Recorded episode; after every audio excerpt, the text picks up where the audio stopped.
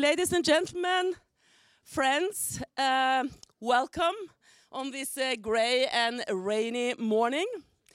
My uh, name is uh, Kate Hansen Bundt. I'm the Secretary General of the Norwegian Atlantic Committee and the Chair of the Board at the Norwegian Institute of International Affairs. And this seminar is a joint effort uh, from us to focus on a project on hybrid threats that has been going on on NUPI, and to discuss these highly timely questions today. I will not bother you with anything more. I will just introduce today's moderator, which are Kjell Dragnes, known to most of you as Aftenposten's former foreign editor, and also a journalist and a specialist on Russia. Please, Kjell, I will leave the panel. Thank you. And the speakers to you. Uh, most of you have not come here to listen to me because we have three excellent speakers here today. So I'll be very short uh, in my introduction, but this is a very interesting theme, and this theme is, uh, some some say nothing new. When I read through all the papers, especially what the NUPI has done in their project, I found one of the most interesting things. They said we have to establish a baseline of what is normal. That is the starting point for the whole discussion. I just came from Brussels, and it was by chance because there was a strike in Brussels, and that is normal in Belgium. So, when do you decide whether a strike by baggage handlers or uh, air traffic controllers or you have a technical problem is not an element of hybrid warfare? How do you establish that? Because it's normal, as I said, that there is always a stoppage in Belgium. Anyway, I'm here. And uh, to start um, start out, uh, uh, and some of you and the panelists will come will go deeper into that, is that um, we have um, had a discussion whether this hybrid terminology, whether it's something new or something old, whether it's only uh, uh, old uh, terms, old concepts in a new package. I tend to think that this is quite new, but there are elements that we can see from way back when. And um, I have done some research. Even journalists can do some research sometimes. And I found a cosmic top-secret document from SACEUR. It's now 1952, so it's declassified. That's why I'm able to see it. And uh, this document was about what they call psychological warfare in Europe in wartime. And I'll just give you one of the definitions because uh, I know uh, when you're going to speak about this, you will give a new definition of what is hybrid threats, hybrid warfare. Or maybe maybe not, because you're you're not accustomed to giving definitions. As I think you said in the in the document that all agree that this is a problem. Nobody agrees on what is the definition of a problem. But anyway, in this uh, cosmic top-secret document from SACEUR, they said that psychological warfare, as defined, includes the planned use in time of war by NATO nations and NATO commanders of authorized propaganda and related informational measures designed to influence the opinions, emotions, attitude, and behavior of the enemy, neutral or friendly groups, in such a manner as to support agreed NATO plans, policies, and objectives. That's point 14. Uh, and Then again, they go through uh, what propaganda warfare from the NATO side should be. Uh, it's white propaganda, that is true. It's gray or it's black. I think what we have nowadays is a gray zone, and there's a mixture really of uh, new elements. Uh, and this is a mixture that we can't really tell whether it's something normal or something new going on. And that is the big problem, and that's what I think we will be uh, enlightened on later today by our three excellent speakers. So, uh, without further ado, uh, I'll give the word to Njord Wegge, who will give us uh, in 10, 15 minutes will give an explanation of what is going on in this field and what the research they have done. So thank you. Yeah. So as you heard, at NUPI, we've had um, a pretty long project now for four years, where we have um, investigated hybrid warfare and Uh, in an international context called uh, Multinational Capability Development Campaign. Uh, you see the flags here. It's mostly NATO countries, but also a few others. And this has been an unclassified um, concept development project where we have tried to um, investigate relevant threats and developments. And hybrid warfare and how to counter it has been one of these strengths. Uh, it has been the Ministry of Defence in Norway that have funded it, and the customers have also been the MOD, but also other civilians and international actors have been very interested in our work. So it has been divided into two cycles. It's the first uh, uh, from 2015-2016, focusing on how to understand the concept, and that's what I'll talk more about, and also how to research this phenomena, developing an analytical framework. While in the last two years, we have been putting the countering more in the focus, uh, focusing how to warn and deter and respond to hybrid warfare. So let's just start with this at uh, the introduction also, uh, we heard it in the introduction. Hybrid warfare is a disputed term. It's at least disputed because several researchers and commentators would say there's no such thing as hybrid warfare. It's all the same. It's, you know, war has always been politics with other means. Uh, this is this is nothing new since the antique. Uh, another uh, dimension of the dispute have been to the to use the term warfare. Is it maybe more um, correct to say hybrid influence, hybrid threats? Do we really talk about war here? So why do we talk about this term? Well, um, the operational environment is constantly changing. And as we know, um, the West have conventionally been uh, superior to most adversary for a long period. And this is obviously what um, threat actors try to uh, exploit. Um, if uh, we can't beat the West through conventional means, there might be other ways to do it. So the essence is, in a way, to see Uh, the blurred area between peace and war as a new area of uh, um, combat or um, uh, warfare, where you are challenging the sort of like normal established bordering lines between peace and war, making it very hard for us in open liberal um, democracies ruled by law to apply many of those extraordinary powers that might be legal in times of war, for example. And it also expands basically the battle, uh, the battle file from um, focusing on the kinetic dimension of warfare to more the non-kinetical and ideological or uh, um, uh, cognitive aspects of the conflict. And, and there's a lack of doctrines for meeting this threat from the West. If we go back in literature, the academic literature on the concept, it has its origin from um, uh, Frank Hoffman's writing on uh, Hezbollah and how Israel for a long time had very hard um, time actually meeting this unconventional threat. It was a mixture of maybe terrorism, criminal behavior, conventional uh, weaponry, etc.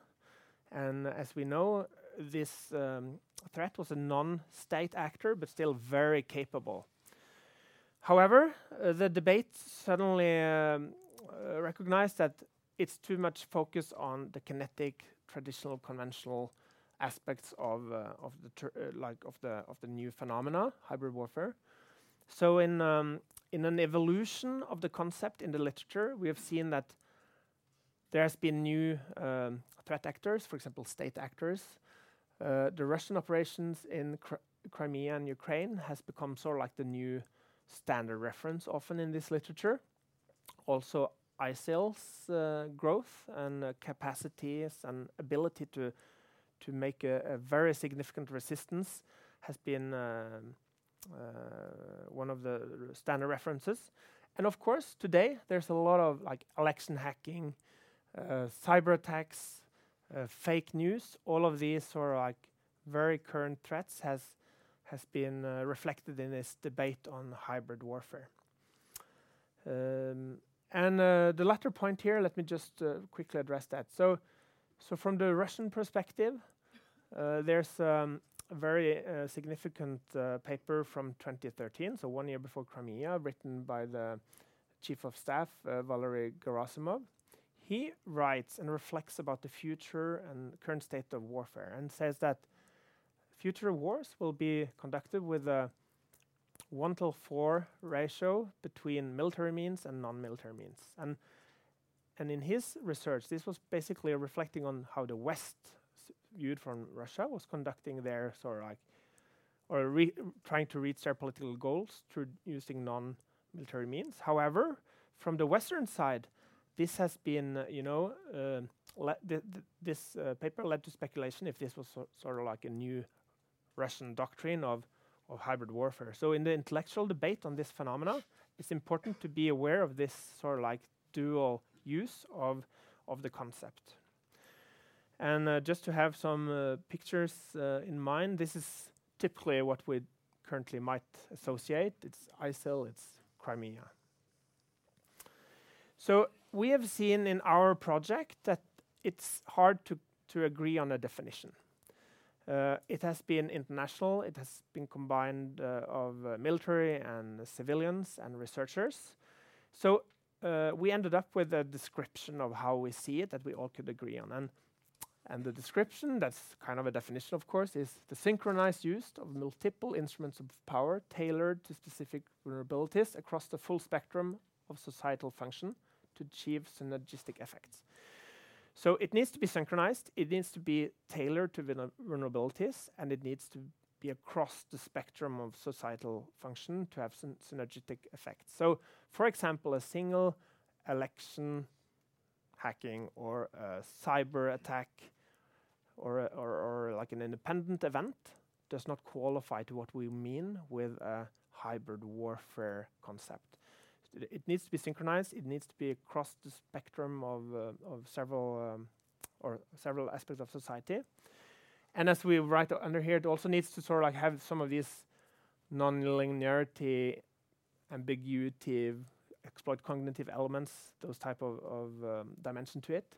And the last sentence, like the death by thousand ambiguous cuts, is very illustrative. I mean, it's not the single cut. That might be very ambiguous, hard to attribute, but it's the sum of all of these uh, like events at the same time that might qualify for for actually using the term hybrid warfare. So this is also an illustration. It's the sort of like the expansion of battlefield into several different dimension of society where you could or a threat actor could, you know, utilize different uh, aspects of society to um, to try to reach their political goals goals while not crossing the border of like obvious violence or like obvious an act of war that, for example, in the NATO context would um, result in Article 5 response. So this is some of the problem. In the West, we we lack this capacity to define the problem, to agree on it, and also how to detect it. We talked about what's the baseline. Um, yeah, there are natural occurrences in the electric grid. There could be, you know, demonstrations, but what is normal, what is not normal? That's a that's a key problem when we want to to look for uh, in like in intense, like an actor that's behind the events. But when it's very close to being like normal and it's the breadth of all of this at the same time that's making the problem for us. So in, uh, ultimately, it could also lead to, for example, NATO being incapable of acting because it's like too much debate about if is it really happening or uh, or the the will uh, to act has been exploited by internal divisions, etc. So With a free press, this is, uh, you know, obviously something you could exploit. There's no censorship. People could disagree and, you know, it's sometimes hard to to reach a conclusion in an open democracy.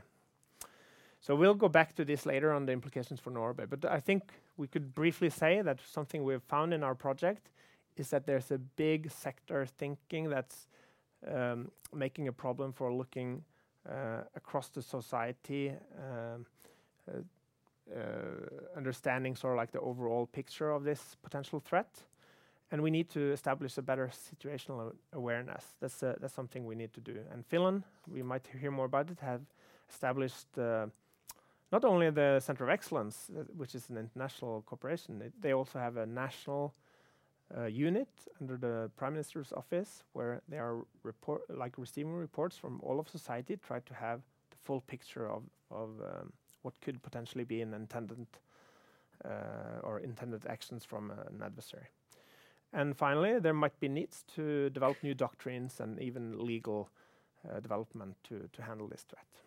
Our uh, next speaker is Hanna Smith from the Cent European Center of Excellence for Countering Hybrid Threats as Njord said, uh, the experiences are different from different countries, and now we'll be not only getting the European view, but also the Finnish view. And I think that's very important for us, especially here in Norway, because we tend to be a little bit nearsighted. And uh, to have another Nordic country with a different uh, affiliation to international security uh, bodies, I think we will be very interesting to see what their experiences are and uh, how they are trying to counter a threat emanating from some neighbor. Thank you very much, and good morning uh, for everybody. Thank you for the two organizers for inviting me here today to share some of the thoughts. Um, it is a little bit now in the way that this starts to look like a hybrid already, uh, since, yes, I am Finnish, but uh, I am working on a more of international uh, center, which is not, um, I mean, it's called the European Center of Excellence for Countering Hybrid Threats. It's not EU, it's not NATO, it is for its member states. Uh, NATO and EU members can be part of our center. We have three non uh, NATO members and three non EU members. So it is really a mixed and quite confusing looking at it like that. Also, uh, in uh, my little intervention, I think I'm concentrating on uh, basically, I was uh, the organizers sent me some questions to focus or areas to focus on, and that's what I will do. In the questions, uh, you are very welcome to ask uh, more, perhaps, about Finland and so on. First of all, the big question is about the question about the threat. We heard now uh, quite a lot already about how possibly to define uh, or um, as we call it in our center, characterization of the hybrid threats. So the elements that make basically the threat. But one thing that is uh, uh, very good to keep in mind is the question again why? Why are we talking about hybrid threat, hybrid warfare? Personally, I do think that it is good that we're using that term whether we agree that it's a new or old, because it anyway highlights today's uh, era, today's time, our time, and the threats we are facing. Um, it is good to, when we're asking the question of why, and to have uh, the changes around our security environment in mind. So we have uh, a change in the world order. One can say that you know the post-Cold War world order is over meaning that something new is coming into the place. When there is competition over status, uh, uh, states are starting to push in a new way, they are in strategic interest, etc. That means that there also has to be mechanisms of influence in different ways. The technological revolution has brought a new type uh, of a means into uh, the toolkit. We have uh, also new domains the cyber, space, are definitely those. It has changed the media landscape uh, very significantly. Again, new opportunities. Then the generational change. Um, actually, in research and historical terms, it's not one uh, generation, but it is around three. And then happens a, quite significant uh, a change in the way that the environment has changed so much that not anymore grandparents or parents' historical memory uh, is taking quite the same way. The memory relating to uh, Cold War conflict, the ideological conflict, is not quite the same anymore or, or viewed the same way today than it used to be. The same thing re is relating to authoritarian states, for example, or leaders, uh, strong leaders, the image of it. Uh, in one point in, during a Cold War, that was a really, really bad thing. Nobody wanted to be uh, kind of characterized like that. Now, it seems to be quite positive thing to be almost authoritarian and a strong leader. Um, and then we have the interconnectedness. Uh, basically, we're talking about the globalization. The one that should be the answer uh, uh, solving all the conflicts has uh, shown us the dark side. It has brought us uh, totally new types of things. Perhaps uh, what we talk what, in the previous presentation was talked about the you know the uh, phase between uh, war and peace. That means that it is uh, kind of interfaces between internal, external, local state, non-state, state, etc.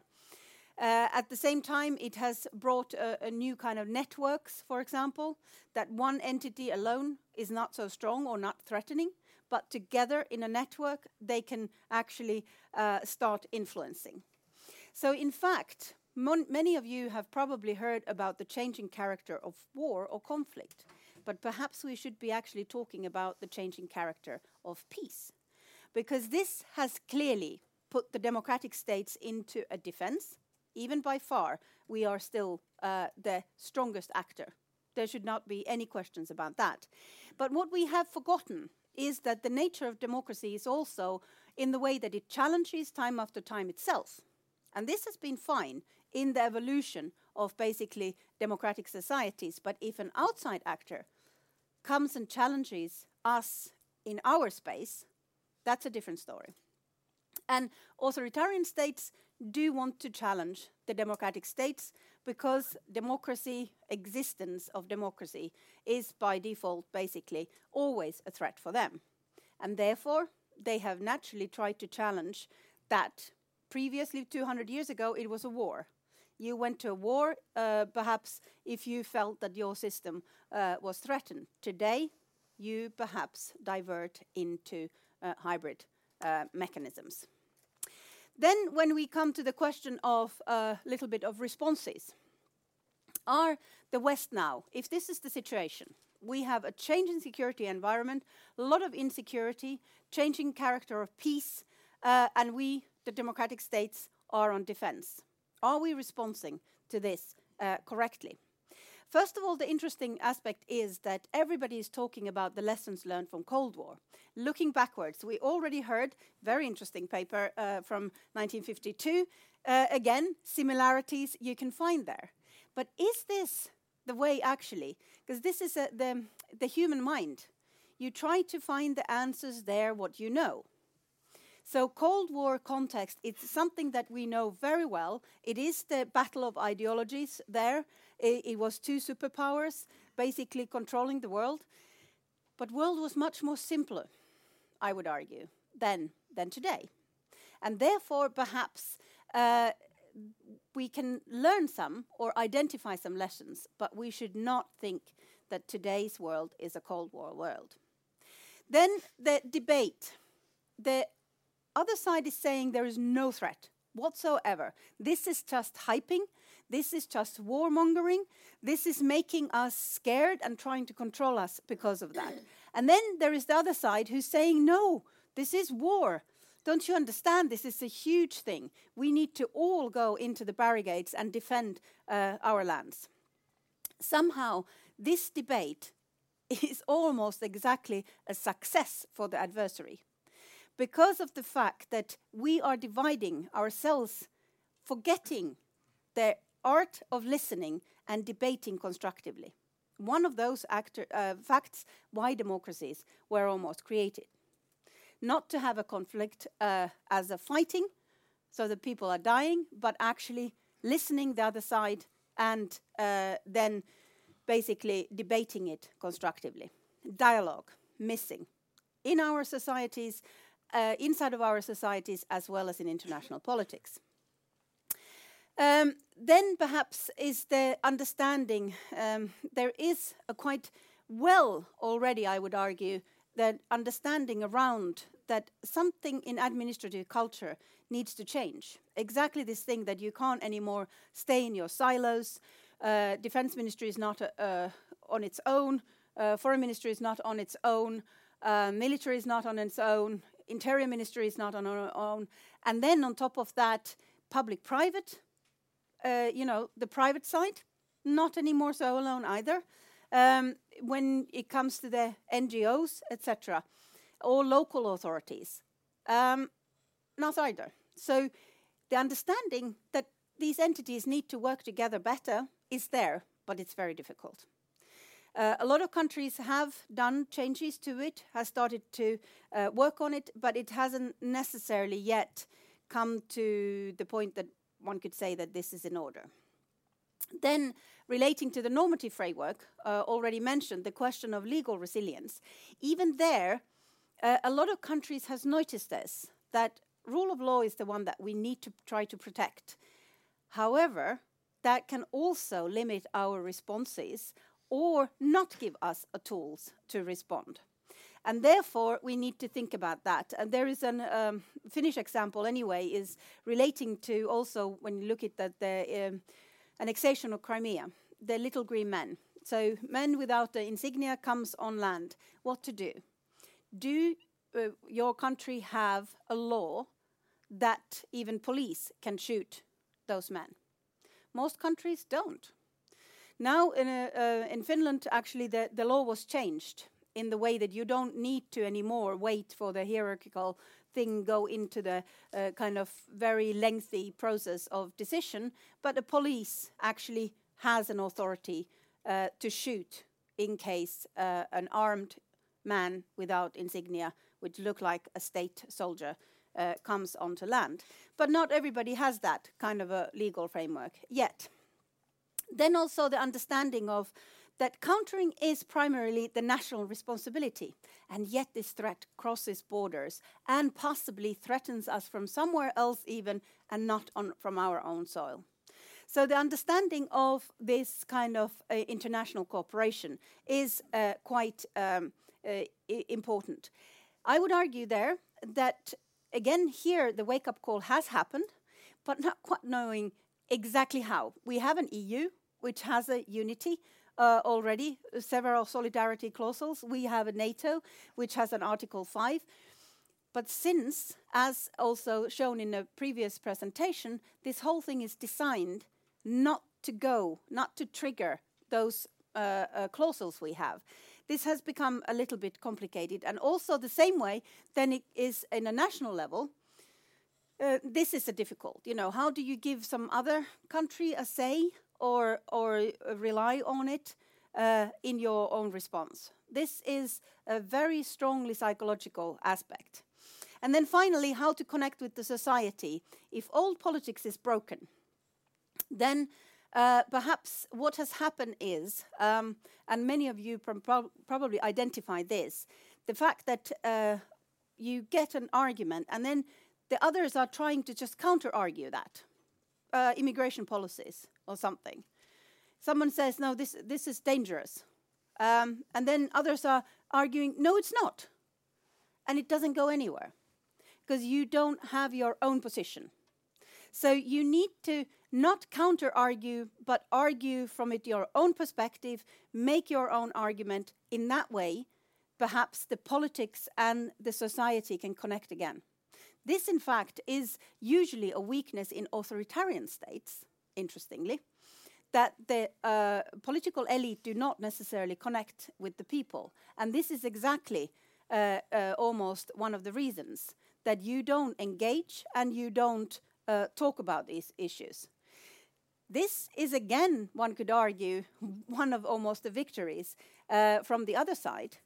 Because if they get our politics like that, that we don't anymore uh, form our own uh, opinions and argued, we just say, no, it's not like that. This is an easiest thing to do, to actually just say, no, you're not right. But how about argue, why aren't you right? And what is your position relating to that? So there is a, a, lot of issues that has happened from the Western uh, perspective, a lot of responses also, but there is in fact a lot to do. And then final uh, minute or two I use for uh, talking about our center and what we have done. Um, uh, this picture we like to show quite often the Finnish Prime Minister and the Finnish President um, hosting um, Mogherini and Stoltenberg, I think, uh, in uh, our inauguration um, uh, seminar last year.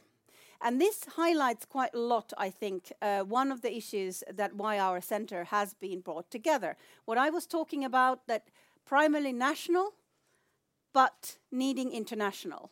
Also alliances like EU and NATO, in fact, both have their own strengths, and then they have a certain weaknesses where the other can actually help a lot. This highlights quite a lot. We have been existing for one year, and I could argue that uh, our existence already has brought more awareness of what we're talking about when we're talking about the hybrid threat and hybrid warfare. There has been the networks that are essential for countering this. This is uh, the essence of our center, in fact, is uh, to get the networks to actually use the same mechanism so you amplify the strength by through networks exactly how basically one of the characterizations inside of the hybrid threat and hybrid warfare is uh, one of the central issues why probably we were set up is also the fact that you learn from each other and you learn uh, about each other so it is the best sharing the best practice and uh, building the trust. There is still a lot to do on that, but we have started at least a, a part of it. And I would argue that definitely uh, in some cases, because it's not like that that the Finnish model is something that would fit uh, directly for Norway or let alone uh, France. But there might be some element that Norway could learn uh, from us and then they might learn something amazingly from France, who has done uh, quite good work, in fact, uh, relating to information uh, influencing and also their mechanisms about uh, relating to elections and so on. Otherwise, uh, perhaps France have a lot to learn from uh, the Nordic countries. So this is exactly the, the meaning. And the trust building is the fact that learning to listen, basically. The EU-NATO cooperation, there has been a lot of activity, and uh, I would argue that the EU and NATO has never talked to each other the way how during this year they have done. So our, of course, role there has been mostly to facilitate, but sometimes even that type of a role, to, to have a place, safe place to come together, uh, someone who facilitates in a neutral way, uh, actually helps the dialogue. We have had also open source training. This is important. The information sharing does not need to happen in a classified level. Open source, uh, basically, information sharing can be as, I would argue, a fruitful almost than the classified one. We started too quickly going into, oh, everybody needs to share the classified information. No, that was not uh, the right approach at all.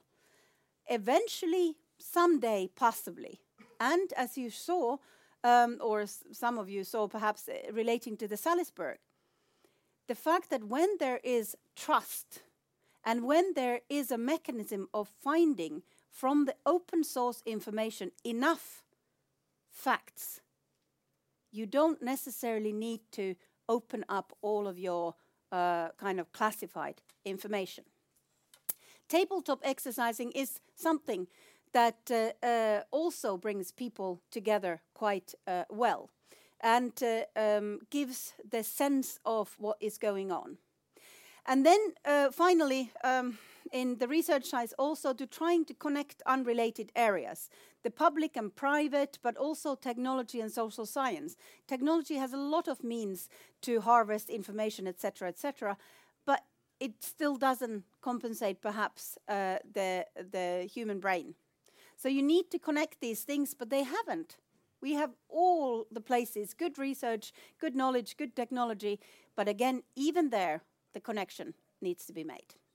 So I think uh, the message, what I'm trying to say here is that first of all, we need to understand that our world is now not how it used to be.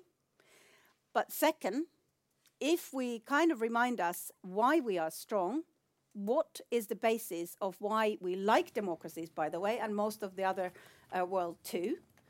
Um, then this is a threat that can be countered, but it needs uh, all kind of level cooperation also. Thank you very much. You raised a lot of interesting uh, themes and a lot of questions. And for me, as a press person, uh, I think uh, a couple of things were, were, more interesting than the others, especially the open source and not the uh, the closed or in uh, or classified areas. Because with open sources nowadays, we can in fact uh, do a lot of work, but it all depends on the press itself whether it has the means or the abilities or the will to do that. I'm not quite sure. We'll get back to that. So now for the Norwegian experience, Geir Hågen Karlsen, Lieutenant Colonel, Lieutenant Colonel, oh right, sorry. Uh, so you'll give us the uh, the uh, Norwegian perspective, and then after your presentation, we'll get all of the speakers up here, and then we can ask some questions. Okay. Thank you very much, Kjell, and thanks to everybody and those organizing.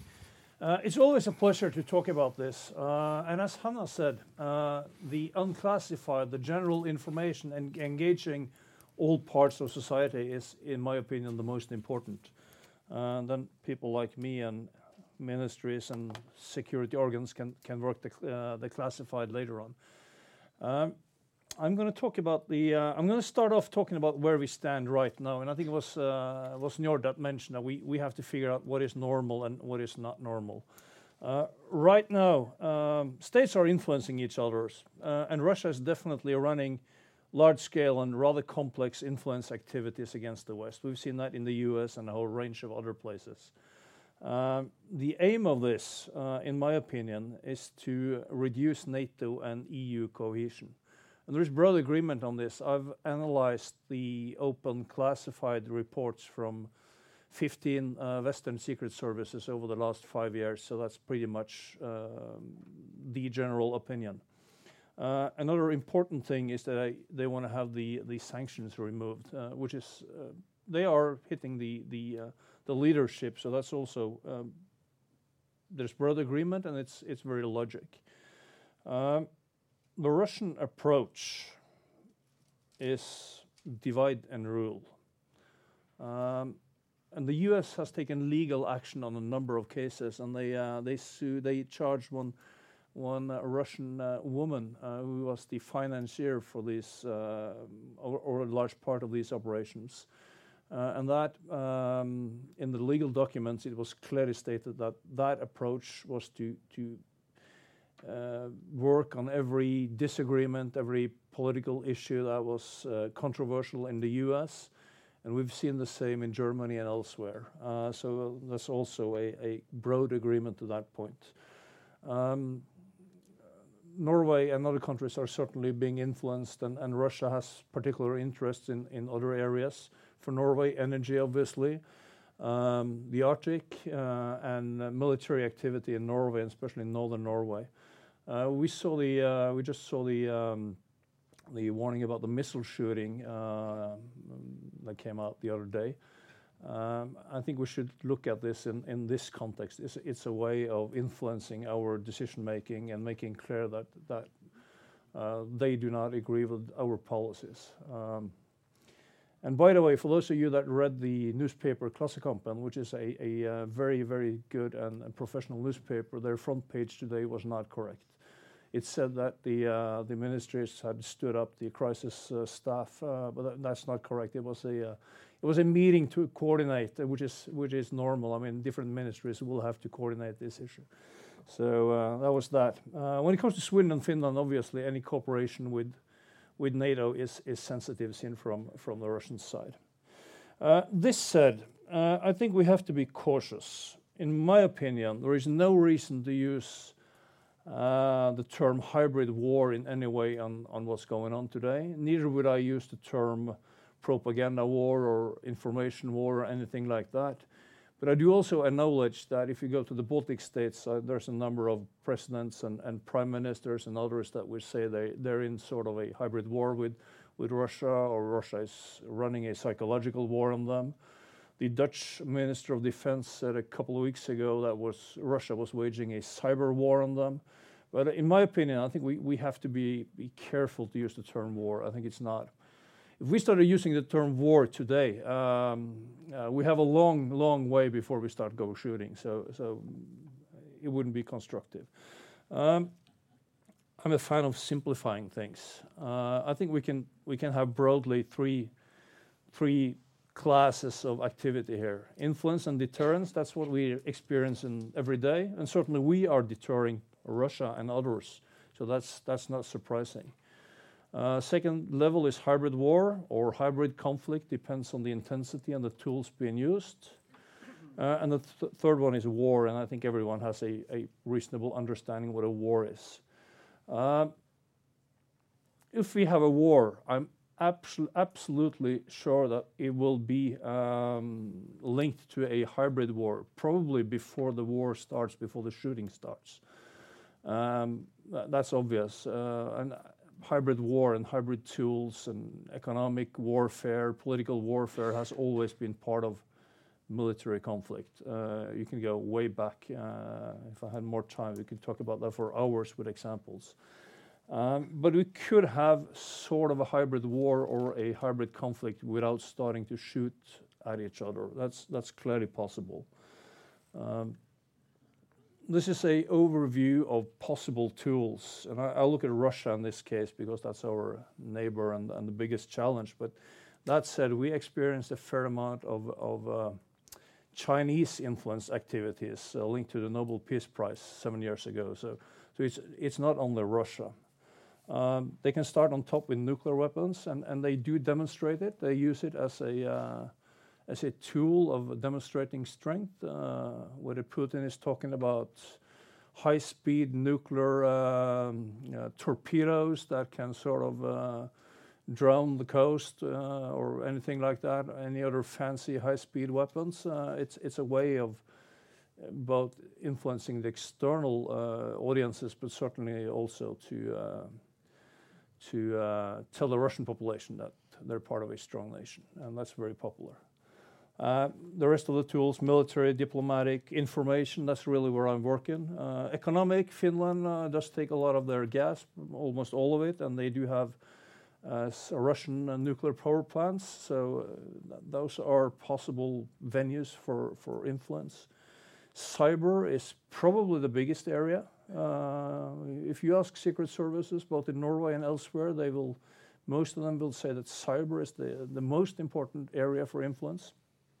Uh, our uh, intelligence service has publicly said on uh, several occasions that, for instance, the um, oil and gas installations and the supply to Europe is it has been reconnoitered by the Russian secret services, and we should expect sabotage in, time of a crisis. Um, if you go to the UK and elsewhere, they, they most have the same view. And certainly anything like that would probably amount to a hybrid conflict or hybrid war. It would have enormous consequences both politically and economically, but also de facto in Europe if we cut 25 30% of the gas supplies to Europe. Um, when we are looking at this, I think it's important to look at the Russian political objectives. And that should be the starting point. Because there's a lot of activity, uh, and I'm not sure if all this activity is very effective, even though it's large scale. For instance, um, Twitter just released a, uh, uh, archive of 9 million tweets that were mainly aimed at US, but also British, French, and other Western countries' politics, originating from a troll farm in St. Petersburg. And the Digital Forensic Research Laboratory, which is a part of the Atlantic Council, by the way, um, concluded that these tweets had little or no political impact. Uh, they did inflame some discussions, but that was mainly amongst people that were uh, inflamed and polarized already. Um, uh, I just mentioned that the US has taken legal action and they released the papers um, on the charge of, this Russian woman that was organizing the finances for some of these activities. And, and those documents said that uh, there were no indications that the activity had had any outcome on elections anywhere. So we have to be careful to look at uh, the activity and, uh, and, and mix that with effectiveness because it's probably not the case. Going back home um, to Norway, what are we going to do about this? Uh, first of all, with the uh, constitutional uh, system we have in Norway, it's the individual ministers that are responsible for the various areas. And when it comes to crisis management, the Minister of Justice is responsible. So even though there are people saying that the Prime Minister's office or, someone else should have a bigger role, I, think realistically we have the system we have, and the responsibility starts with the Minister of Justice.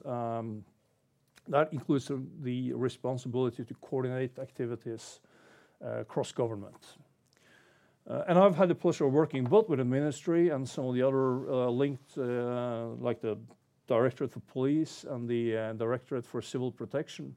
And in my opinion, they are both very competent and, very qualified to handle this if they're given more extensive tasks. In general, um, we need to improve competence. And competence here is, is like we're talking about it today, so a hundred people or so will know more about it this afternoon than they knew this morning. Um, so it's general competence. Uh, it's competence in media, and I must say I've been impressed by Norwegian media. They've uh, since 2014 uh, they've had a a, there's a lot of Norwegian journalists that know Russia and know what's going on very well. Aftenposten, for instance, Kjell, were probably the first to, to report the manipulation of the elections down in, uh, in Crimea in 2014. They had a huge article uh, last week about uh, Russian troll farms. I was also interviewed. It's competence amongst decision makers. So we have a, a way to go, but it's my experience is that they're they're interested and, and keen on learning, and it's clearly on the political agenda. Uh, but we also need capability. And um, put it this way uh, having a handful of doctors doesn't mean you have a hospital. Uh, we need to have someone uh, established structures with the necessary manpower and, and finances to, to work on this and do the coordination and, and support research uh, and a whole range of other things that needs to be done. Uh, and finally, it's about coordination. Um, and there is a lot of coordination that needs to be taken across uh, government uh, with all the ministries and the way we're organized. The ministers are responsible.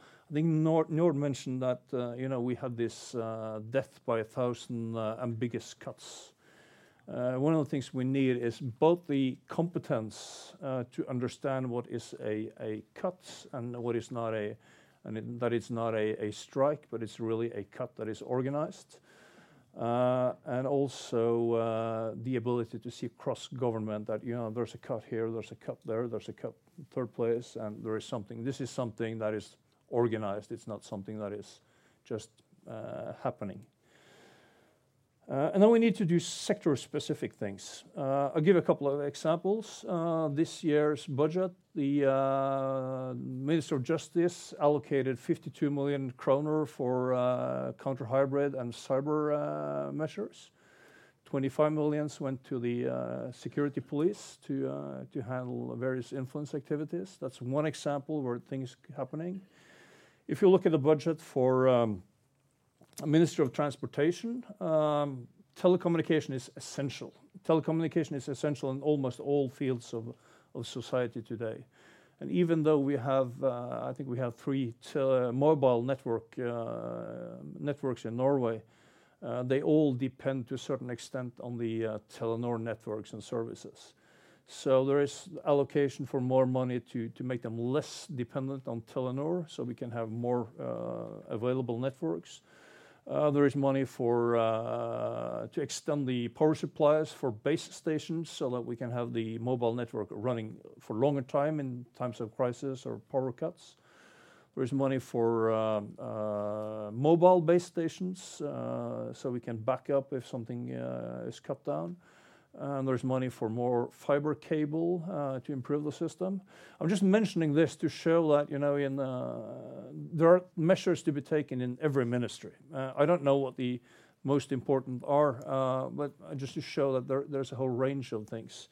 So if you take this at two levels, we have the, the general things here, competence, capability, and coordination. That covers everyone, and especially the, the Minister of Justice, and, and then all sorts of sector specific. Uh, the newspaper Dagens Næringsliv, uh, I think it was last week or maybe two weeks ago, uh, mentioned a, a report from the Directorate for Civil Protection about uh, possible consequences of, a, of, an attack on medical supplies. Uh, you know, we could expect thousands of deaths if, if some of these critical medicines were not available. Um, one of the measures probably necessary in that area is, is uh, regulations and laws for managing whatever stock of medicines that we might have left. Uh, so things here, activities uh, or, steps to, to be taken can be anything from laws and regulations, uh, buying new kits, uh, making people more aware, uh, establishing structures and, and outfits to deal with stuff. I could talk about this for several weeks, I guess, but let's stop, uh, stop there. Thank you very much. Honestly, I really don't know where to start because there are so many interesting things. But uh, maybe I should start with, um, with what you're really talking about is what I see is a gradual process of awakening. That is what's happening in the West, in the Western democracies. And this, uh, during this gradual awakening process, there are a lot of people are still very sleepy. Uh, and they are so sleepy today, in the press especially, uh, because that's. Uh, uh, thank you, by the way, for your kind words, but uh, I don't think the press is up to par, par, when it comes to understanding what is going on at the moment. Um, I can say that because now I'm an independent journalist. I'm not affiliated to any press organ any longer. but I think that's very important because. Um, even if, uh, and I, am now talking from my heart really, and not from my mind, uh, because the press is one of the most important means of communication. And when I say the press, that means electronic media and all, all the media, uh, not only the written press.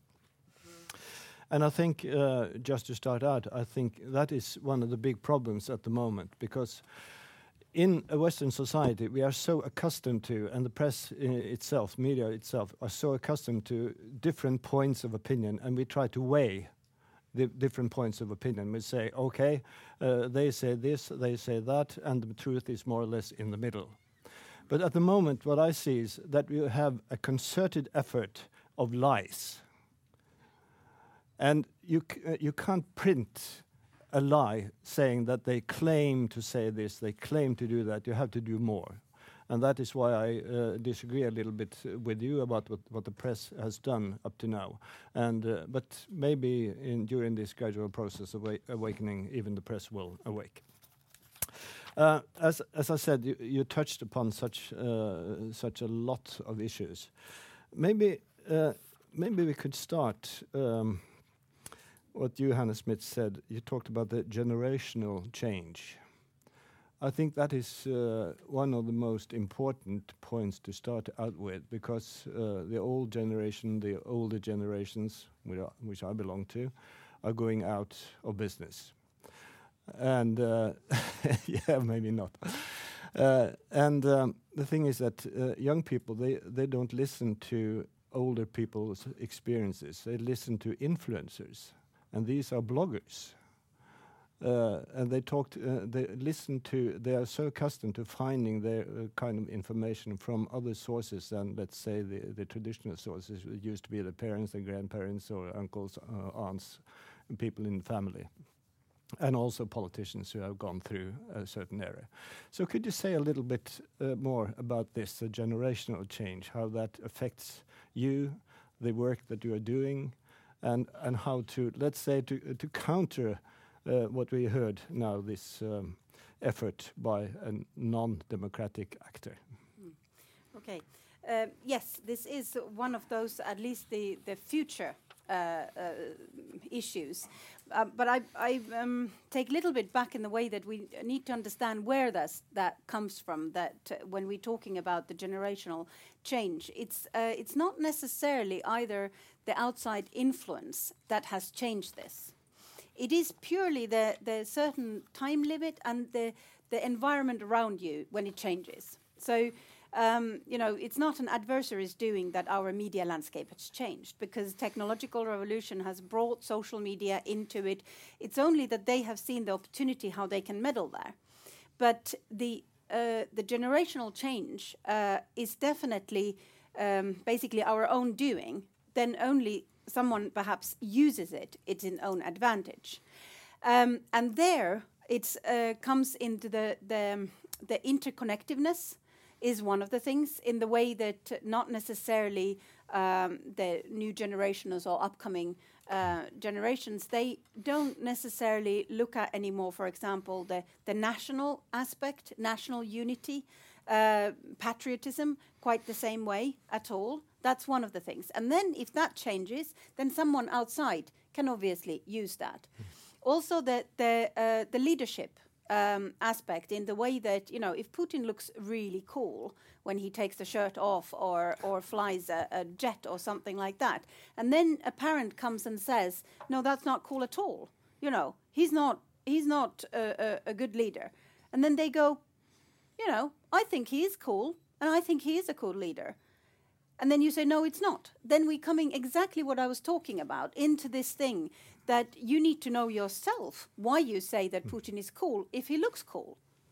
So, so and to be able to argue why perhaps an authoritarian regime is not cool thing, uh, why that brings certain things, what is the problems in the countries uh, themselves? Because if you see only one thing, so so there are a lot of these issues that comes around the kind of our own surrounding has changed. Also, perhaps the, the priorities in educational aspects and things like that. Um, we have, for example, sidelined history quite a lot in mm. our curriculums, and so on. So, um, but this is not, I mean, in research wise, if you look at it, it is also kind of the memories that what you have lived with. So, in that way, the weird way, I could say that I'm closer to my grandparents in a worldview than to my, uh, my own children. So that's the kind of generation. My, my, grandparents were the ones who experienced the, the Second World War, the building up the Europe after that. They children are, are part of part of that old framework. Very much also uh, kind of uh, certain uh, national aspects, but also the fact that oh, it's bad to be too nationalistic, for example. Mm.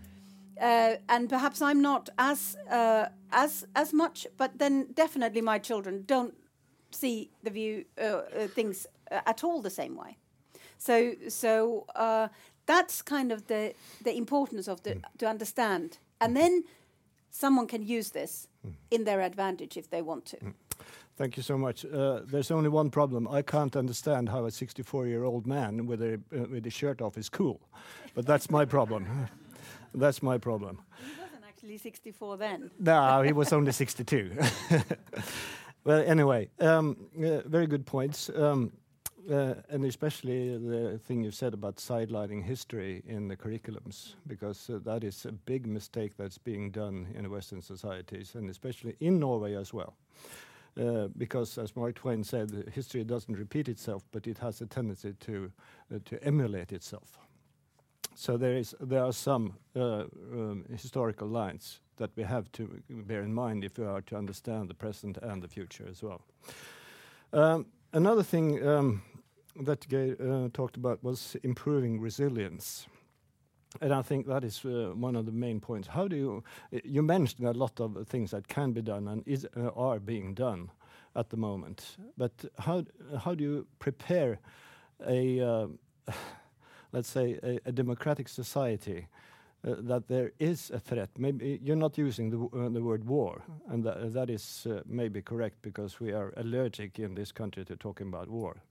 Uh, but um, uh, how, do, how do you get people to understand that there is some threat emanating from an external actor, and uh, at the same time you have to do do something both in the public and in in in um, uh, in the society as a whole to improve the resilience of this democratic society.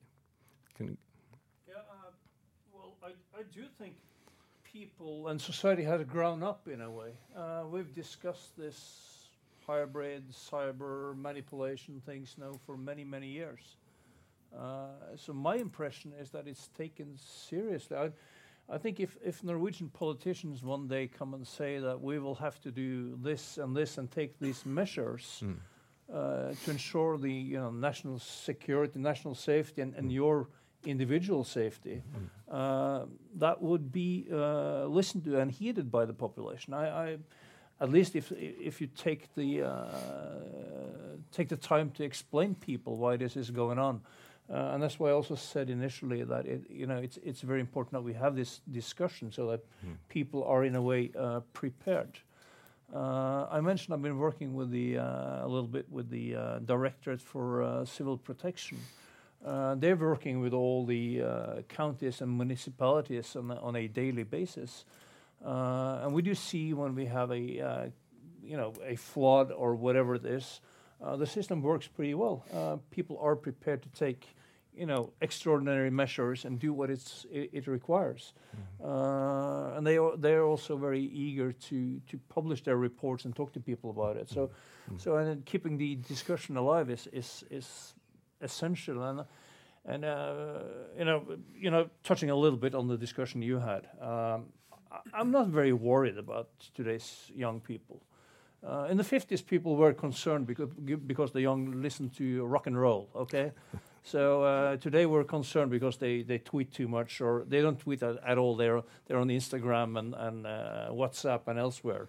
Um, so I'm not that concerned, and and also about the manipulation here. Um, yes, you can manipulate social media, but there's a f- enormous competition there. There is so much material out there. So if you're not competitive, trustworthy, interesting, they just ignore it. Um, so uh, and also uh, rather optimistic when it comes to Norwegian media, frankly, uh, because they, they play an important role in communicating this to the to the public.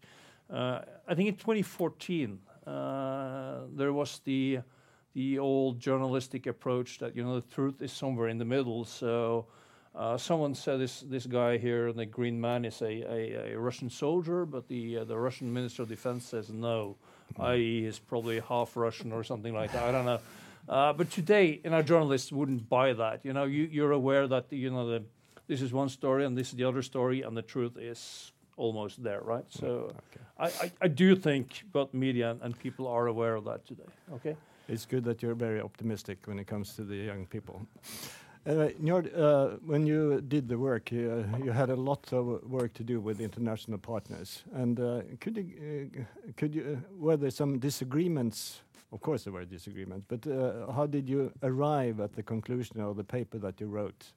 And uh, could you detect different approaches from different parts of the world, different parts of, uh, well, organizations, anything like that?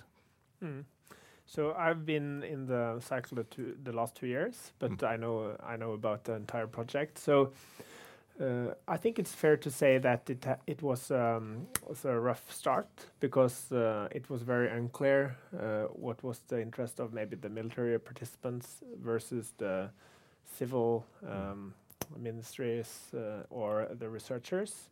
So uh, I was told that the first year was much used to debating actually what are we supposed to do or what should we do or people threaten to leave etc. Uh, but uh, I think um, I think uh, the overall experience has been that to actually have this international group and the different backgrounds has been a strength and where you could utilize you know connection points to politics to academia or to the military and and, and, and get something out of it. But I don't think it was a very easy start. At least, I just want to grab one of the comments that's been. So, so I agree a lot on on several things here. I think there's a gener generational um, um, component, but there's a shift in our days. And I've been uh, talking to students coming to me at NUPI and you know wanting to interview me about the the threats scenarios, geopolitics, etc. And and and they understand that what they maybe thought a few years ago is changing when it comes to what is actually the the major powers' interest in the global politics. It's not necessarily like the 90s. It's more competitive, more um, uh, competing interests actually colliding. And um, I think when it comes to our outreach, we have had a lot of attention and interest. Uh, Patrick and, and I have been holding uh, presentations in Norway and abroad, and, and there's a high turnout. I mean, people are very interested, interested, including political elites and decision makers, but there might be a need to systematize the sort of like the information here. And as uh, Geir Hågen Karlsen says, uh, I think it's a greater sort of like realization that people are actually lying out there. There's not necessarily like Mm. always some truth in the middle, and and that is like a little bit new to get adjusted to. Mhm. That people in official position actually lies, Mm. and um, and to get this systematized has been a good uh, or an important contribution with this in this project. Hanna, you had a Yeah, uh, I would like to continue a little bit this that that, that this this that the there is a new generation Mm. doesn't necessarily mean uh, uh, automatically threat or that that would be a lost generation. But what we need to understand is that this is a, a kind of a, a point of change. And when there is a point of change, something different is coming. And there is a clash. Uh, good example. People, some people like to uh, look at the, you know, the TV. If you remember what normal TV is, so you're sitting on a sofa and watching the TV. And then there is the, those who actually want to have this little thing, and wherever they are in a bus, they're watching it, and they calling it watching a TV. This is a change. This is two different things. Uh, it's not to say which one is right or wrong in that way, but the fact is that we have uh, every time when there was an industrial revolution, uh, people were against cars and wanted to keep the horses, and there was a clash. Uh, villages were fighting wh- whether one person can have a car there because the horses are so good, and the car causes noise and and uh, so on. So there is a clash. Um, so this is the thing, what we're talking about, that when there is that type of a situation in a history, uh, we need to understand that when we have already uh, totally our own doing and our own thing, um, that type of a situation, then an outsider can use that hmm. one way or another. And it is not only, you know, the fact that uh, perhaps the, the social media is more for the old generation than the new generation. But then when it comes to the politics and voting hmm. and so on, then perhaps the new generation brings hmm. uh, different type of a politics into it. Politics is changing because of those views, and this we need to understand. So, the exact that's why we're talking about this hybrid. There are many, many different elements, basically, um, and um, I like to talk about the threat aspect because that is a threat. But if we can control it or counter it or understand the whole thing, perhaps it's not any more than a threat. But this is the the uh, central and the core to understand the dynamics and the potential threat that lies on on today's perhaps uh, environment. You talked about the outreach, Njord. Uh, do you you get students, of course, coming to NUPI, and they are very interested uh, interested in, it, in international politics and uh, and have a high level of understanding. But do you have an outreach to, let's say, uh, second grade students as well? Do you, what do you do to inform them about this? What the project that you have been through, and what the, all these uh, different threats or uh, different new possibilities are? Uh, well, I don't think we have had so much uh, Mm. outreach to like uh, junior high school or. yeah, high school students. Uh, we probably should do more of that. I mean, uh, the Atlantic Committee is uh, certainly having those type of programs, and um, Mm. but I would say so far it has been more to professionals Mm. and students Mm. and um, bureaucracy. Uh, Okay. Hmm. We're uh, nearly at the end. uh, So, um, um, I'm not trying to sum up this uh, very interesting uh, uh, two hours, but what I would say that what what I think we in Norway especially can learn is the Finnish experience of the cross-sector cooperation, and that that has been for quite a long time. And this is something that we can learn from, lessons learned, as I say. Uh, I would thank all the three uh, uh, participants.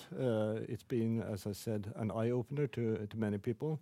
And maybe you're right when you say that things are happening at last. It has taken a lot of time.